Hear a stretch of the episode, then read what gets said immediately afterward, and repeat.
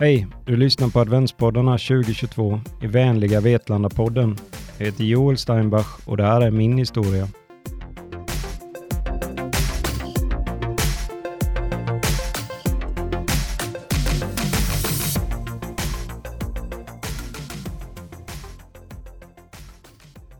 Egentligen handlar inte den här berättelsen så mycket om mig, utan mer om min son William. Den 23 september 2021 så dog han i en trafikolycka. Livet tog slut för William, men också för oss som älskar honom. Jag har arbetat som ambulanssjuksköterska sedan 2012. De första nio åren arbetade jag i Region Kronoberg. Men cirka ett halvår innan Williams död hade jag bytt arbetsgivare till Region Jönköping. Onsdag den 22 september jobbade jag natt i Sävsjö. Innan jag åkte till jobbet den dagen hade vi firat min fru Emelies födelsedag. Vår familj har en lång rad med högtider som inleds 22 september då Emily fyller år. William fyller den 26 september, jag och Emily har bröllopsdag den 5 oktober, vår dotter Lovisa fyller den 23 oktober och till sist är det min födelsedag, den 12 november. På morgonen torsdagen den 23 september vaknade jag av telefonens larmsignal. Jag hade haft jour den natten och förutom något larm runt tretiden hade det varit en lugn natt. Klockan ringde strax innan klockan sju. Jag steg upp och jag märkte att det regnade ute. Jag bäddade i ordning sängen och gick upp för att lämna över sökare och nycklar till pågående kollegor. Jag satte mig där och drack en kopp kaffe. Strax innan jag skulle lämna stationen för att åka hem så ringde telefonen. Det var William.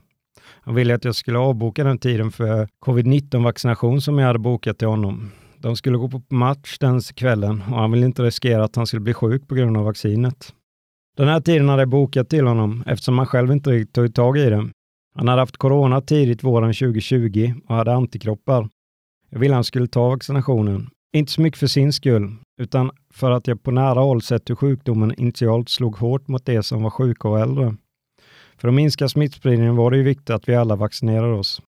Argumentet som till sist bet på honom var det kommande vaccinationspasset som skulle införas på bland annat konserter och sportarrangemang. Det här med sport låg William varmt om hjärtat. Han älskade två lag. Det ena var HV71 i hockey, det andra AIK i fotboll. Jag hade alltid förundrats över hans stora kärlek till hockey och fotboll, då han varken ärvt det från mig eller från sin mammas sida. Mitt eget fotbollsspelande sträckte sig till att ha deltagit i Kicks fotbollsskola i småskoleålder. Det bestod av fyra dagar i början på sommarloven. I ärlighetens namn gick jag nog endast dit för frallorna som serverades till lunch och den bollen man fick ta med sig hem.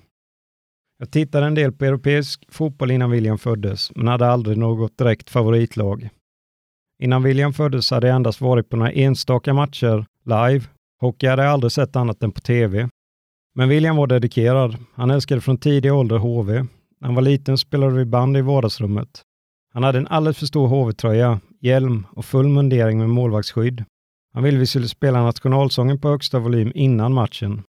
Ibland när han och Emily spelade själva så fick hon agera spelare på egen hand medan han skulle vara domare. Jag minns första gången jag släppte ut honom på is. Då hade jag inga egna skridskor. Han hade fått skridskor i julklapp och ville absolut ut på isen direkt. Vi bodde i Norrköping då och vi gick till isrinken och jag fick helt sonika bara släppa ner honom på isen. Han löste uppgiften galant och korsade runt på lädret i säkert en timme. Till nästa gång hade jag skaffat skridskor och jag lärde mig åka i samma takt som William. Han älskade även fotboll och när vi bodde i Norrköping smög vi ibland in oss på deras nybyggda arena på kvällarna för att spela. Tillbaka till det här telefonsamtalet med William. Jag sa till honom att jag absolut kunde ändra den där tiden. Sen sa jag också att jag gärna vill se HVs premiär i Allsvenskan med honom dagen efter. Han fick gärna vara med kompisar sedan på kvällen, men om man kunde spendera den tiden med sin gamla pappa hade jag varit jätteglad.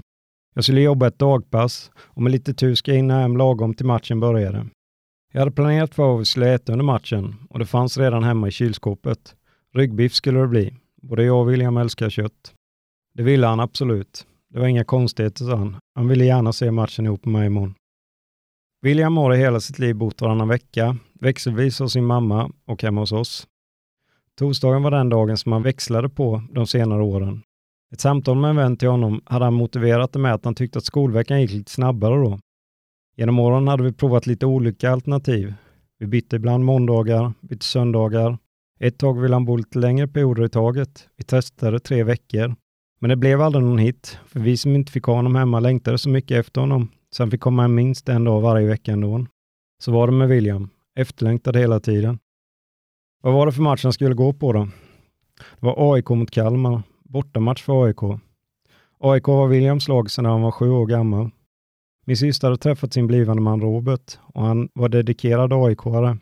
En kärlek som smittade av sig på William. Vi var på en AIK-match tillsammans med Robban och sedan var han fast. William hade ringt mig på tisdagen den här veckan och frågat om det var okej okay om de bokade biljett till matchen. Det var fyra grabbar som skulle åka. William, Erik, Judd och Axel. Erik hade han gått med i samma klass med sedan ettan. Där hade det genom åren blivit väldigt nära och sista tiden hade han nästan sovit lika mycket hemma hos Erik som är hemma eller hemma hos sin mamma. Erik och William kompletterar varandra på ett fantastiskt sätt. Jag tror verkligen att William drogs till Eriks energi och hans framåtanda. Han var orädd och levnadsglad. William hade ett lugn i sig och en eftertänksamhet som jag tror att Erik uppskattade. Det som de dock delade, det var att de var omtänksamma, inkännande och vänliga. Det är inte bara mina ord, utan alla deras vänner och bekanta beskriver dem som det. Sedan gymnasiet hade även Judd kommit in i det gänget som de umgicks med då. Jag hade aldrig träffat Judd, men William hade berättat mycket om honom. De var ett stort kompisgäng och hela sommaren hade de umgåtts tillsammans. Axel, som jag inte heller hade träffat tidigare och aldrig kommer få göra, var ett år äldre och den enda som hade körkort av det som skulle åka. Det var inte den första matchen de var själva på. Den 22 augusti hade William, Erik och Axel varit uppe i Stockholm. De hade precis börjat släppa in publik på matcherna efter coronan. Jag minns att jag var väldigt nervös den gången när de skulle åka. Jag hade fört mig om vilken bil de skulle ha. Jag förstod att Axel inte hade haft körkort så länge, men William försäkrade mig om att han körde väldigt lugnt. De skulle åka över dagen och komma hem sent på kvällen. Vi bestämde att, att vi skulle ha telefonkontakt längs vägen. Den resan gick utan problem. De kom hem. William var nöjd med resan och matchen, men restriktionerna som var på grund av corona hade dämpat stämningen. Jag kommer inte ihåg hur många som släppts in på arenan, men det hade varit väldigt lite folk jämfört med hur många det brukar vara på en AIK-match. Jag och William hade bestämt att vi skulle åka på hemmaderby upp mot Djurgården som spelades i början av oktober. Han hade tidigare haft på förslag att han skulle åka dit med sina vänner och att de skulle bo på hotell och sedan kolla matchen. Men jag var orolig att det skulle hända något om de skulle bo på hotell och vara ute på kvällen. Med argumentet att han inte behövde lägga ut en krona själv så tyckte han nog det var rätt okej att åka med pappa ändå. Vi var på det sista hemmaderbyt som spelades med publik 2019 och nu skulle vi gå på det första när publiken var välkomna tillbaka igen. Den matchen som var nu den 23 september var något speciellt för William. Han älskade läktarkulturen. Vi har varit på otaliga matcher både med HV och AIK, men jag ville aldrig ställa mig i klacken. När vi gick satt vi oftast på långsidan. I och med att jag själv aldrig varit så dedikerad till ett lag så kändes inte klacken som min plats. Jag var mest med för att umgås med William. Nu skulle de dit dock, de skulle åka själva. De skulle in och ihop med några stå Sveriges absolut bästa klack får jag fram AIK. Det här var stort och det hördes i hela honom när jag pratade med honom där på morgonen. Han lät exalterad, som han gjorde när han var liten, inför en jul eller inför en födelsedag. Jag avslutade samtalet med att som vanligt säga puss, kram, älskar dig, hej. När han blev äldre hade jag lagt mig till med det där hejet på slutet, så han bara skulle kunna svara på det om han var med kompisar och inte ville svara tillbaka på jag älskar dig. Jag åkte hem och la mig för att vila ett par timmar. Efter jag kommit hem så åkte jag och hämtade Lovisa i skolan. Vi skulle åka ner till min farmor i Järnforsen. De senare åren hade hon blivit mer och mer dement, så jag åkte två, tre gånger i veckan för att ta hand om handling, städning och lite socialt umgänge. Farmor hade hemtjänst, men en låg sjukdomsinsikt, så ofta när hemtjänsten var där fick de inte hjälpa henne speciellt mycket. Jag hämtade Lovisa i skolan och vid ett-tiden rullade vi ner mot Järnforsen. Sen jag minns det så var det skapligt väder då. Det var lite blött ute, men solen sken. På vägen dit ringde William igen. Han undrade om jag kunde sjukanmäla honom sista lektionen, så det skulle komma iväg i god tid. Jag skrattade lite åt honom, men sa att det absolut inte var några problem. William hade i princip bara A i betyg och genom åren hade det kostat mig en del pengar. När han gick i nian så införde vi att han fick 500 kronor för varje år. När han gick ut första året i gymnasiet så hade han 5 A, 2B och ett C i spanska. Jag minns att jag skojade med honom att det var första gången på alla år som han skolkade. Han skrattade lite och svarade ja. Så här i efterhand har jag förstått att han egentligen hade gjort lite oftare än jag trodde. Men precis som det ska vara så hade jag ingen aning om det då. Jag hörde på hans röst hur taggad han var på matchen och jag sa till honom att nu äntligen så du står i klacken. Han var verkligen glad. Sedan avslutade jag med mitt vanliga puss och kram, älskar dig, hej. Jag vet inte om jag fantiserar, men jag tror att han svarade på älska mig den gången. Åtminstone vill jag tro det. Det var sista gången jag hörde hans röst. Vi kom ner till farmor och var där ett tag. Runt tretiden började vi rulla hemåt. Jag hade ett paket som jag skulle hämta ut på Maxi. Det var lite kläder som Ville skulle få i present på sin födelsedag. När jag parkerade in bilen vid Maxi såg jag en brandbil som gick ut från stationen mitt emot. Den åkte med blåljus i riktning mot Nyhållet. När vi kom hem hade Emily precis kommit hem från sitt jobb. Vi började plocka med maten. Emily skalade potatis och jag passade på att gå ner till Williams rum. På sensommaren när det är varmt på dagarna och kallare på nätterna hinner inte bergvärmen med riktigt och Williams rum i källaren kunde bli lite kallt då. Jag bäddade upp och satte igång en värmefläkt. Han skulle komma hem sent och efter att ha stått ute ett par timmar under matchen trodde jag han skulle vara frusen. När jag kom upp igen så ringde det på min telefon. Det var Williams mamma Mikaela. Hon sa att hon inte kunde få tag i William. Fattade först inte vad hon menade. Det var inte helt ovanligt att han inte hörde signalen och i min värld så var de redan på plats på Guldfågelarenan och laddade för fullt inför avspark. Jag sa till henne att jag redan trodde att de var på plats och att det var därför han inte svarade. Ja, sa hon, men det står på Aftonbladet att det varit en olycka på den vägen. Kände hur paniken började komma över mig, men svarade att vi lägger på så ringer jag honom två gånger. Då brukar han alltid svara. Jag ringde och signalerna gick fram. Först en gång. Det gick telefonsvar. Sedan ringde jag en gång till med samma resultat. Jag försökte ringa till Erik, men hans telefon var avstängd. Paniken växte och samtidigt hade Emily reagerat på mitt och Mikaelas samtal. Jag försökte hålla mig lugn, men samtidigt växte känslan av att något var riktigt fel. Jag kunde inte hålla mig utan började direkt ringa ner till ambulansstationen nere i Kronoberg. Numren hade jag kvar i telefonen. Först ringde jag till Lenhovdastationen. Det var ingen som svarade där. Den stationen ligger närmast Lindshammar. Nästa försök blev den stora stationen i Växjö. Där finns tre ambulanser. Inte heller där fick jag något svar. Det lade till ytterligare en dimension till oron. Den olyckan som hade varit krävde en hel del ambulanser, om det även var tomt i Växjö. Då slog det mig att jag kunde ringa skiftesledartelefonen. En funktion som ambulansen i Kronoberg hade startat upp ett par år tidigare. Det är en funktion där en av de sjuksköterskorna som är i tjänst går att nå vid sjukdom eller om SOS behöver diskutera en transport eller liknande. Jag knappade mig fram till numret och fick svar direkt. Det var en kollega som jag tycker mycket om och har jobbat många år med som svarade. Han blev förvånad när han hörde att det var jag som ringde. Jag hade inte jobbat i Kronoberg på över sex månader och hade ingen anledning att ringa på den telefonen. Han svarade ”Tjena Joel, hur är läget?” Jag svarade att det var okej okay, och kontrade med att fråga direkt hur det var med honom. Han svarade då att han precis var ute på en dödsolycka. Jag stelnade till och sa direkt till honom att min son kanske befinner sig på den vägen. Det blev helt tyst i luren. Jag frågade snabbt hur många det varit i bilen. Han svarade då att det var tre stycken. Min nästa fråga blev om det var unga personer och han svarade ja. Hela röstläget på min vän och kollega hade förändrats. Han sa försiktigt att han inte visste något mer. Vi la på luren och i min värld hade två saker skett. Ett, någon hade dött i olyckan. Två, det hade varit tre i bilen när de kom till platsen. De skulle varit fyra om det var William, Erik, Axel och Judd. Tankarna bara snurrade. Det var som ett dovt mörker la sig över mig. Jag visste ingenting då, men känslan var fortsatt att något var väldigt fel. Oåterkalleligt fel. Efter att jag la på så konstaterade jag och Emily snabbt att vi måste ner till Växjö. Vi visste inte ens om det var grabbarna som hade varit i olyckan, men om det var dem så var det någon som var död och de andra skulle rimligtvis vara svårt skadade. Om det var illa med dem skulle de köras till Växjö, då det är närmsta sjukhuset. Emily tog kontakt med sin pappa och hans fru, så de skulle komma in och passa Lovisa under tiden vi tog oss till Växjö. Lovisa hade under tiden förstått att något var på gång. Hon hade hört våra samtal. Hon frågade vad som hade hänt och Emmy förklarade att det hade varit en olycka, men att det förmodligen inte gäller någon vi kände. Vi ville bara inte oroa oss och därför beslutade oss åka ner till sjukhus. Lovisa frågade upprepade gånger, men om det är någon vi känner, vem tror ni då att det var i olyckan? Emily hann knappt säga, vi vet bara att William. Då skrek Lovisa rakt ut, inte min bror, inte min brorsa. Hon grät förtvivlat. Det spelar ingen roll att Emily inte var riktigt orolig ännu. Hon trodde fortfarande att William och hans vänner var på matchen. Att allt var lugnt, men Lovisa visste nog redan då med. Jag hade gått upp på ovanvåningen. Jag var helt villrådig. Williams mamma ringde igen. Hon hade panik.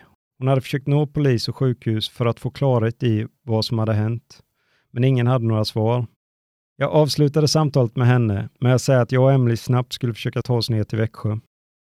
Jag insåg att jag inte var i skick för att ge mig ut själv och köra ner till Växjö, så jag tog kontakt med min syster för att be henne eller hennes man komma hem till oss så de kunde köra oss till Växjö. Lisa svarade och jag fick först bara ut med att det hade varit någon olycka. Hon hade precis innan jag ringde pratat med sin väninna som jobbar på ambulansen också. Hon hade precis gått av sitt skift. I samband med det så hade någon sagt att det hade varit en dödsolycka nere i Nyshammar. Att det var två döda. Jag fick ur mig att det fanns en risk att det kunde vara William och grabbarna. Att de skulle åka den vägen, men att de skulle vara fyra i bilen och jag hade fått till mig att de hade varit tre inblandade i olyckan. Min syster tystnade. Jag upprepade bara att vi måste till Växjö och att hon eller Daniel fick köra oss. Hon lovade att komma så fort hon kunde och sedan låg vi på. Nu dunkade paniken i mig. Jag visste att det var två som var döda i olyckan, men jag visste inte ens säkert om det var grabbarna. Jag visste inte vem som var död. Jag minns däremot att min känsla redan då var att William var en utav dem. I min desperation ringde jag återigen till min gamla kollega på skiftsledartelefonen. Han svarade. I efterhand har han berättat att han inte såg att det var jag som ringde, att han inte skulle ha svarat då, att han visste att William var en av de som var döda, men att han inte kunde berättat det för mig. Det blev ett kort samtal. Han sa bara egentligen, jag vet inte mer Joel. Vi är på väg in, men jag vet inget mer. Han visste då, men han varken kunde eller fick säga något. Jag avslutade samtalet med att säga, jag vet att du inte kan och jag skulle inte vilja höra det från dig. Det var inte ilska jag sa det, utan bara ett konstaterande. Precis efter han och jag hade lagt på ringde Williams mamma igen. Paniken var nu total. Ingen gav några svar, varken sjukhus eller polis. Under tiden vi pratar så säger hon plötsligt, det kommer en polisbil som rullar upp här nu. Jag minns att jag sa gå ut till dem. Med mig kvar i telefonen så går hon ut och möter dem. Jag hör hur polisen frågar henne om hon är William Steinbachs mamma. Hon svarar ja. Sedan hör jag hur han säger, jag beklagar. Där och då lägger jag på luren. Ett mörker sänker sig över mig och en smärta som jag aldrig någonsin upplevt innan växer i bröstet. Ett mörker och en smärta som inte en sekund sedan jag hörde de orden har släppt sitt tag om mig. När jag tittar ut genom fönstret ser jag att det även har blivit mörkt ute. Jag har inte märkt det. Jag stapplar ner för trappan och möter min älskade fru. Hon som varit Williams bonusmamma sedan han var två och ett halvt. Jag hör mig själv säga, William är död. Allt snurrar. Ingen skriker. Det är tyst. Precis då kommer Emelies pappa genom dörren och Emily viskar till honom, han är död. Även nu när jag skriver det här, ett år, en månad och 14 dagar senare, kan jag inte tro att det är sant. Jag uppfattar inte hur lång tid det här förloppet utspelar sig över, men jag vet att det var ljust när det började och mörkt när det slutgiltiga beskedet kom. När jag hade vaknat den morgonen så hade allt varit som det skulle.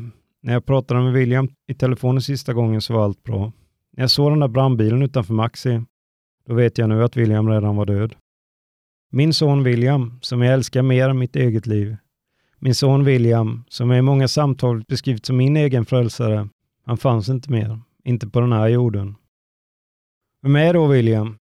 För mig är han den stora anledningen till att jag tog tag i mitt liv. Att jag som vilsen ung vuxen hittade en anledning till att sträva mot något bättre.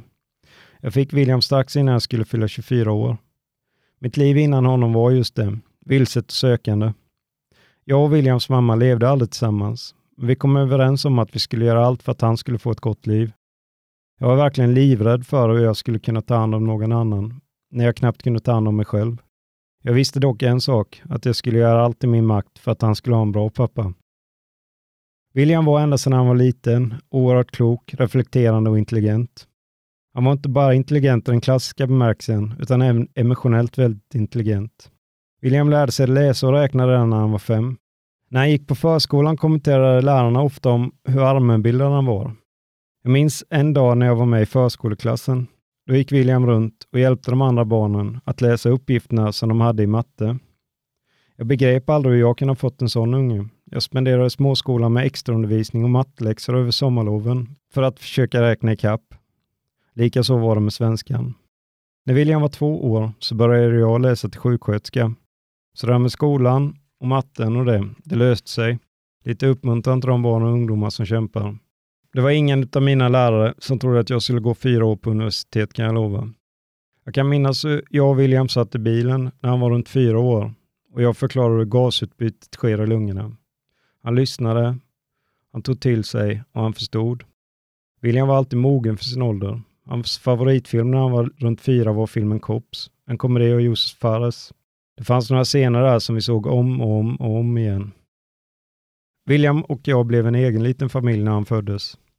Vi var mycket hos min mamma och pappa, så de skapade tidigt djupa band till honom. William var det första barnbarnet och min lillebror var bara 16 när William föddes.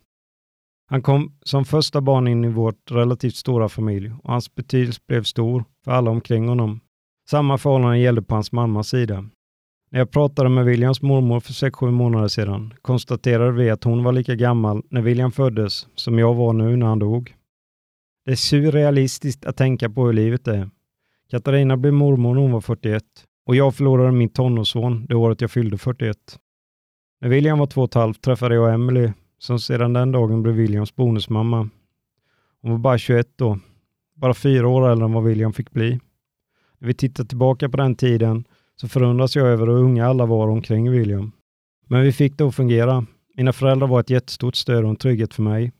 Mormor Katarina och morfar Patrik var också väldigt närvarande genom alla år med William. William tyckte om rörelsen som alla vuxna omkring honom kunde erbjuda. Från det att han gick i första klass spenderade han alla höstlov i Stockholm med sin farmor ända upp till han blev 15. Han var tre gånger i Thailand med sin mormor och morfar. Första gången det året han fyllde 12. Det passade honom utmärkt att det hände saker han älskade att uppleva. Min stora oro kring William när han var liten var att han var så snäll. Jag var rädd att han inte skulle säga ifrån i skolan om någon var elak mot honom. Men det blev aldrig något problem. Oskar, som han lärde känna redan på förskolan och som var hans närmsta vän under många år, berättade för mig när han var där hemma och fikade att William alltid gick sin egen väg. Att han var så trygg i sig själv, så om någon höll på och försökte reta honom så gick det inte. Den där tryggheten kände jag i honom. Jag upplevde att jag blev lugn när jag var i hans närhet. William var väldigt omtänksam, väldigt varm och han såg människor. Efter hans död har det kommit föräldrar och berättat om att när deras barn hade det jobbigt i skolan fanns William där för dem. Han var som sagt var väldigt duktig i skolan. Han var också väldigt målinriktad. Han ville ut i världen. Han hade bestämt sig för att han skulle läsa till jurist efter gymnasiet. Det skulle vara en utbildning som skulle kunna ge honom jobb var som helst i världen. Vi hade pratat om Uppsala som en bra studieort. Han skulle kunna ta sig till Solna på mindre än en halvtimme och kunna följa AIKs alla matcher på plats. Jag skulle kunna prata om William och den han var i dagar i sträck utan att kunna göra honom rättvis. Nu kvällen den 23 september spelar allt detta runt i huvudet på mig. Hur kunde William vara död? Paketen som han skulle få på sin födelsedag, de låg undangömda. Hans födelsedag var nu på söndag. Vi hade planerat för vilken middag han ville ha. Han och jag skulle åka på derby i Djurgården bara någon vecka senare. Att gå från det, fyra timmar tidigare, allt det som jag hade tagit för givet, till insikten att allt var krossat, det är något som ingen som inte upplevt det någonsin kommer kunna att förstå. Efter det så klart att William var död är allt som en dimma. Inte ens nu när jag försöker skriva ner det som har hänt känns det verkligt. Det är som en film. Jag minns hur jag och Emily åkte bort till Williams mamma och Williams familj på hennes sida eftersom poliserna var där. Jag fick för mig att det var något jag behövde göra, men det fanns inte något som någon kunde göra. Jag minns att när vi kom hem så hade min mamma och mina syskon kommit hem till oss. Jag minns också att senare på kvällen kom en av mina bästa vänner och kollega Jack och hans fru hem till oss. Jack hade åkt 25 mil för att komma hem till mig. Hans fru Helena är en del av Vetlandas Posonsgrupp och hon ordnade med möte för vårdcentralen dagen efter. I stunden kunde inte jag ta in att Jack hade släppt allt och åkt ner till mig, men i efterhand har det betytt så mycket. Den första natten sov vi ingenting. Jag, och Emily och Lovisa låg i vårt sovrum. Vi hade tagit upp Williams säckar från hans rum. Min mamma som stannade kvar en vecka hos oss hade tagit Lovisas rum. Den fredagen var vi alla nere på vårdcentralen. Det jag minns var att de sa att det var viktigt att man försökte bibehålla någon form av rutin. Barnen skulle gå till skolan så fort som möjligt. Vi skulle försöka att komma upp ur sängen. Snart blev vi vassat ungefär det stöd som finns för familjetrauma. Jag har nog tidigare trott att det finns mer hjälp att få. Min upplevelse är att det stödet vi fick i den akuta fasen kom från familj och vänner. För barn i en familj i sorg så blir den närmsta familjen avgörande. Det som kom och lagade mat åt oss, tog ut Lovisa på utflykt. Det var nödvändigt. Jag och Emily var i princip paralyserade den första tiden. Inte nog med att Lovisa hade sin egen sorg. Allt i hennes vardagliga liv hade vänts upp och ner. Och efter bara fyra dagar var hon tillbaka i skolan igen. En vuxen människa kan inte förstå hur det är att förlora någon så oersättlig som William. Hur ska då barn kunna förstå? Jag önskar att det fanns en högre beredskap för att ta emot barn i sorg i samhället. Det är inte ofta det händer, men när det väl händer så behövs det. Lovisa har fått mycket frågor från andra barn. Några undrar hur hon kan leka trots att hennes bror är död. Någon annan undrar varför hon inte grät. De har ingen aning om hur det är och det har inte vuxna heller. Den typen av antaganden som börjar med att jag skulle ha om det hände mig. Allt jag kan säga är att det är inte som du föreställer dig. Du kommer nog inte göra det du tror om det väl händer dig. Den kampen det är att bara försöka ta sig upp ur sängen är obeskrivlig. Vi har en hund som Lovisa döpt efter sin favoritsagofigur Gruffalon. Hon är en Staffordshire bullterrier. Det är den andra sådana hunden vi har. Den första heter Hugo. Den döpte William efter sin bästa vän som han hade på förskolan i Norrköping. Gruffalon behövde ut på sina promenader, gick otaliga mil med henne den första tiden efter William så brutalt tagit ifrån oss. På fredagen fick vi beskedet att vi skulle behöva åka ner och identifiera William. Hela magen knöt sig på mig. William hade inte kommit hem. Han låg nu på bårhuset i Växjö. Ett bårhus där jag i min yrkesroll varit och lämnat av döda människor. På lördagen skulle vi åka ner till Växjö. Den vägen jag åkt säkert tusen gånger i livet. Varje pass jag arbetat under de åren jag jobbade i Kronoberg åkte jag på den vägen. Den kurvan där grabbarna dog har jag passerat alla de gångerna. Jag, Emily, mamma och pappa skulle åka i en bil. Mikaela, Alex, morfar Patrik och mormor Katarina åkte igen. Känslan jag hade när jag satte mig i bilen var att hela världen var giftig. Det brände i själen och smärtan i bröstet var olidlig. Innan vi åkte hade jag sagt att jag inte ville åka den vägen. Jag ville åka över Amkvilla. Trodde inte jag skulle klara att passera olycksplatsen. Strax innan vi åkte kom Lovisas morfar och mormor in till oss. De skulle vara med Lovisa under tiden vi åkte till Växjö. Med sig hade de ljus och rosor som de hade köpt som vi skulle kunna sätta vid olycksplatsen. Jag sa att jag inte ville åka den vägen ner. Men då sa Emelies pappa att han hade varit där och att det hade varit vackert. Med alla ljusen som fanns där, alla blommorna. Och att det inte alltid skulle se ut så. Det fick mig att tänka om, så vi tog den vägen ner till Växjö. När vi kom till olycksplatsen stannade vi. Precis när vi hade stannat kom Eriks mamma Veronica och hennes bror, bara några minuter efter. Det var fullt med ljus och blommor på olycksplatsen. Vi tände våra ljus och la våra rosor och vi grät. Det var obegripligt att stå där. Solen sken, det var varmt, platsen var vacker och två dagar tidigare hade William och Erik tagit sina sista andetag på den platsen. På plats i Växjö så kom vi fram till sjukhuset. Ambulansstationen i Växjö ligger på sjukhuset, så även på denna plats har jag varit så många gånger. Bårhuset ligger i anslutning till en hiss som går upp till barnakuten. När vi kom dit så såg jag en ambulans som hade parkerat in för att lämna av en patient. Jag kände igen en av de som jobbade, en god vän och kollega. Hans dotter är född en dag efter Lovisa och vi har jobbat ungefär lika länge på ambulansen.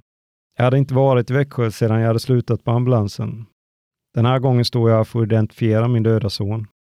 Med ner till Växjö var även Martin. Han är insatsledare på brand i Vetlanda. Han kände William och han hade lovat att följa med och gå in först. Han skulle se hur illa skadad William var. Sen skulle jag ta ett beslut om jag klarade att gå in efter det. Döden för mig är något väldigt bekant. Under alla mina år inom vården har jag mött den otaliga gånger. Jag vet inte hur många människor jag sett döda. Det kan vara 50 stycken eller 150. Vissa pass har jag mött döden flera gånger. Ibland kan det gå månader emellan. Alla som jobbar inom slutenvården möter döden. Inom ambulansen ställs vi för den i människors hem. Vi ställs för den döden som sker ute i samhället.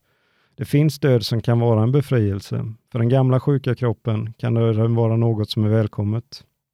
Döden kan också vara oerhört grym och orättvis. Jag har själv stått med föräldrar som precis har förlorat ett barn. Jag minns en kvinna som skulle göra ett ärende på stan. Maken skulle skotta lite snö under tiden. Dagen efter skulle de åka på solsemester. När hon kom hem från sitt ärende stod jag och min kollega där i dörren. Hennes man hade fått hjärtstopp. Vi hade jobbat i över en timme med honom, men inte lyckats få igång hans hjärta. Istället för den efterlängtade semestern hade hennes liv slagits sönder. Jag minns farmodern i en lägenhet som jag fick meddela att vi tyvärr inte kunde göra mer för den unga kvinnan som låg där inne. Jag kommer ihåg det kortet som fanns på den kvinnan och en litet barn som hon höll i famnen. Jag minns en pojkvän som desperat i sin sorg började slå sönder lägenheten. Jag fick hålla fast honom. Jag har träffat på döden i form av sjukdom, olycka och självmord. Men det här var något annat. Jag visste inte om jag fysiskt skulle kunna gå in i det rummet och se min son död. Martin gick in först, sen kom han ut till mig och sa Joel, han är jättefin. Då kände jag att jag skulle klara det. Jag är evigt tacksam mot Martin att han gjorde det för mig. En fantastisk människa och brandman. När jag kom in i rummet så låg William där på britsen. Han hade en utslagen tand och ett litet skrapsår i ansiktet, men annars var det inga synliga skador. Det som fyllde mig när jag såg honom var en bottenlös smärta, men också en känsla av lugn. Det var hans kropp som låg där, ett skal, men det fanns ingen smärta eller lidande i den kroppen. Jag pussade hans panna och jag höll i hans hand. Jag grät och jag upprepade hur mycket jag älskade honom. På söndagen den 26 september var det Williams födelsedag. Vi hade ingen aning om vad vi skulle göra, men vi fick ett samtal från Williams klasskompisar och vänner. De hade på eget bevåg ordnat en minnesstund i kyrkan för William. De bjöd in oss familjen och på kvällen fick vi komma dit. Det var massa ungdomar där. Kyrkan var fylld med ljus och blommor. De hade gjort en spellista som spelade hans musik. Det var så fint att de hade ordnat det för honom. Är de alla evigt tacksamma för det. Det var ett stort medialt tryck om olyckan. Det figurerade i tidningar och på nätet. Det var om den på nyheterna på tv. Det strömmade in meddelanden på min telefon. Det knackade på dörren oavbrutet. Det kom blombud. Det jag kände då var bara att jag vill inte. Jag vill inte att det här ska vara sant. Jag vill inte att William ska vara död. Varje beklagande gjorde det bara mer verkligt på något sätt.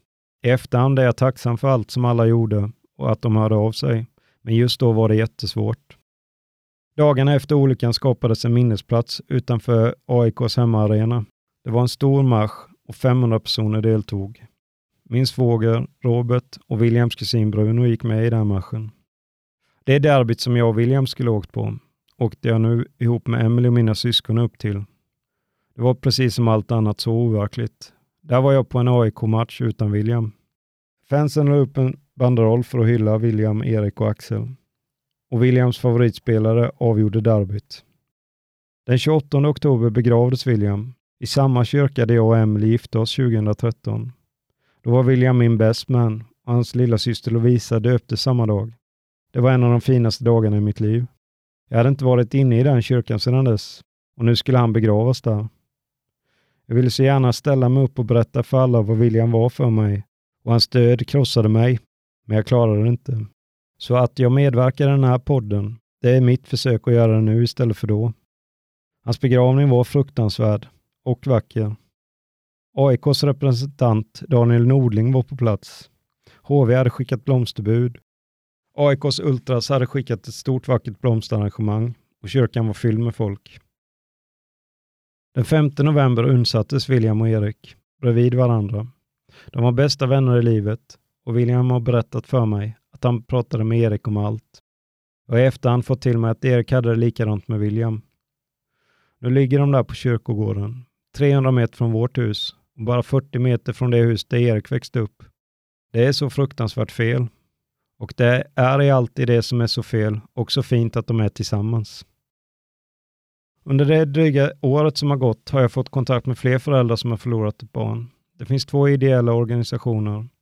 Vi som har förlorat ett barn och Febe, för oss som drabbats av det värsta en människa kan genomlida.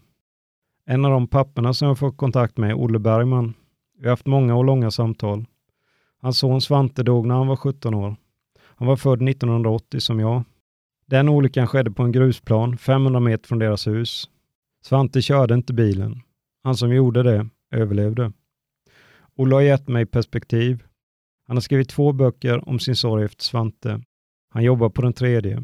Han har förlorat ytterligare ett barn under de 25 åren som har gått sedan Svante dog. Han har berättat hur han mådde när det skedde och han har det nu. Sorgen finns där fortfarande lika stark för honom, men han har blivit bättre på att bära den. Det är vad han säger till mig. Han säger även att han har ett bra liv, att han inte någonsin trodde att han skulle säga det, ett år inne på sorgen och inte heller efter två år. Att det hela tiden är en pågående process, precis som livet är. Men att höra honom säga att han har ett bra liv, det är en strimma hopp för mig. Även om jag aldrig tror att jag kommer att känna så, så gjorde inte Olle heller det när han var det jag är nu. Någon gång efter nyår fick vi ta del av polisutredningen efter olyckan. Det var väldigt tuff läsning. Skuldfrågan är svår. Jag har skuld för att jag sa att William fick åka. Hade jag sagt nej hade det inte hänt. Samtidigt var det en rimlig sak att säga ja till. Det jag vet är att ingen ville eller trodde att det skulle bli så här. Men det är svårt. Om bara, om inte. Hur enkelt hade jag inte kunnat stoppa det om jag bara hade vetat. Men livet hade varit väldigt lätt att leva om vi fick leva det baklänges. I samband med det fick jag också det av Williams adoptionsrapport. Den gav mig på visst sätt en tröst. Det låter helt sjukt att säga, men jag vet att William inte led och att de skador som han fick leder till en omedelbar död. Att han inte led är viktigt. Det är inte bara den rapporten jag kunnat vila det antagandet mot, utan det är även den erfarenheten jag själv har efter att ha varit vårdgivare vid svåra olyckor och trauman. De gånger jag har vårdat svårt skadade människor har det aldrig fokuserat på smärtan och det har inte varit ett stort problem. Kroppen stänger ner och fokuserar på att hålla sig vid liv.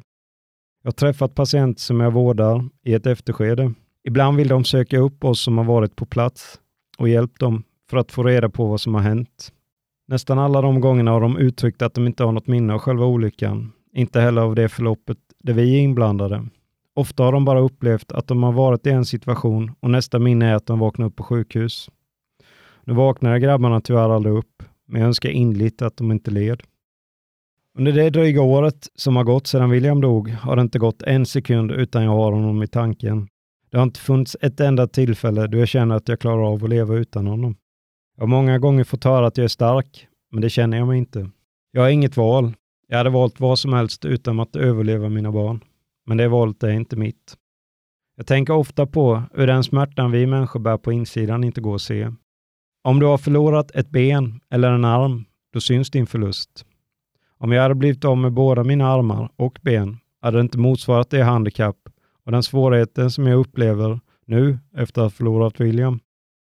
Jag tänker att mitt sår i hjärtat, om det syntes från utsidan, skulle vara ett stort hål rakt igenom bröstet som ständigt blödde. Trots mina år på ambulansen och alla de tragiska händelser som jag fått möta där, hade jag ingen aning om hur djävulskt det är när det drabbar en själv. Bara en sån sak som att gå in på ICA. Innan köpte jag alltid med Nocco Red Bull med hem till Ville. Nu är det istället blommor och ljus till hans och Eriks grav. Det är helt surrealistiskt att behöva sörja sitt barn. Tankar om allt som skulle vara äter på mig. Om inte, om bara. Hur många gånger passerar inte den tanken mitt inre på en dag? Om bara inte Ville hade dött. Det är att leva sin värsta mardröm om och om igen. En sak som jag upplever med sorgen är att den är ensam. Aldrig tidigare haft så många människor omkring mig och ändå känt mig så ensam. Sorg är också högst individuellt och jag tror inte den är samma för någon. Vi är så många som sörjer William, men det är så olika saker vi sörjer. Jag saknar allt med William, men mest saknar jag att se honom glad. Att få göra honom glad. Att sitta med honom i bilen på väg till en HV eller AIK-match. Han var alltid så taggad på matcherna. Jag tyckte alltid det bästa var att sitta där i bilen med honom. Bara att få vara med honom på vägen till något han älskade. Jag sörjer inte bara William, jag sörjer också den Joel som jag var innan olyckan. Jag brukar alltid tänka att allt ordnar sig om du bara ger det tid. Saker kommer alltid lösa sig. Men döden löser sig inte. Sorgen kommer nog aldrig bli mindre, men förhoppningsvis blir jag bättre på att bära den. Jag umgås med sorgen dygnet runt och den är åtminstone mer bekant nu än vad den var då den först dök upp den här kvällen 23 september. Det är inte bara jag som sörjer William, utan alla som har funnits kring William, hans stora familj, hans bonusföräldrar, hans tre syskon, alla hans kusiner, mor och farföräldrar, alla hans vänner. William var mångas bästa vän. Både hans kusiner Gideon och Bruno säger det. Jag säger det. Morfar Patrik säger det. Och det finns många fler som säger det. Och det känns fint. Jag har under det här året bemötts med oerhört mycket vänlighet från många människor omkring mig. Många av Williams vänner har blivit mina vänner. De här ungdomarna är fantastiska och att få ta del av deras William har betytt så mycket för mig, Emily och Lovisa. Judd, Lukas, Siad, Talal, Oskar, Vilgot, San, Danne, Oskar T, Lukas G, Hugo och alla ni andra. Tack för allt ni gör och gjort. Jag hade aldrig träffat Judd innan den 23 september. Han har blivit en väldigt nära vän till mig. Det han har upplevt, att få bevittna tre av sina vänner mista livet. Jag kan aldrig förstå hur det är, för jag behövde aldrig gå igenom det som 17-åring. Det vi delar är sorgen och allt det som borde ha blivit. Lukas sa det så bra en gång när vi sågs. Det är som att jag lever ett annat liv nu och det är det. ett annat liv, där sorgen för det gamla livet präglar oss. Jag kunde inte i min vildaste fantasi föreställa mig att jag skulle begrava William.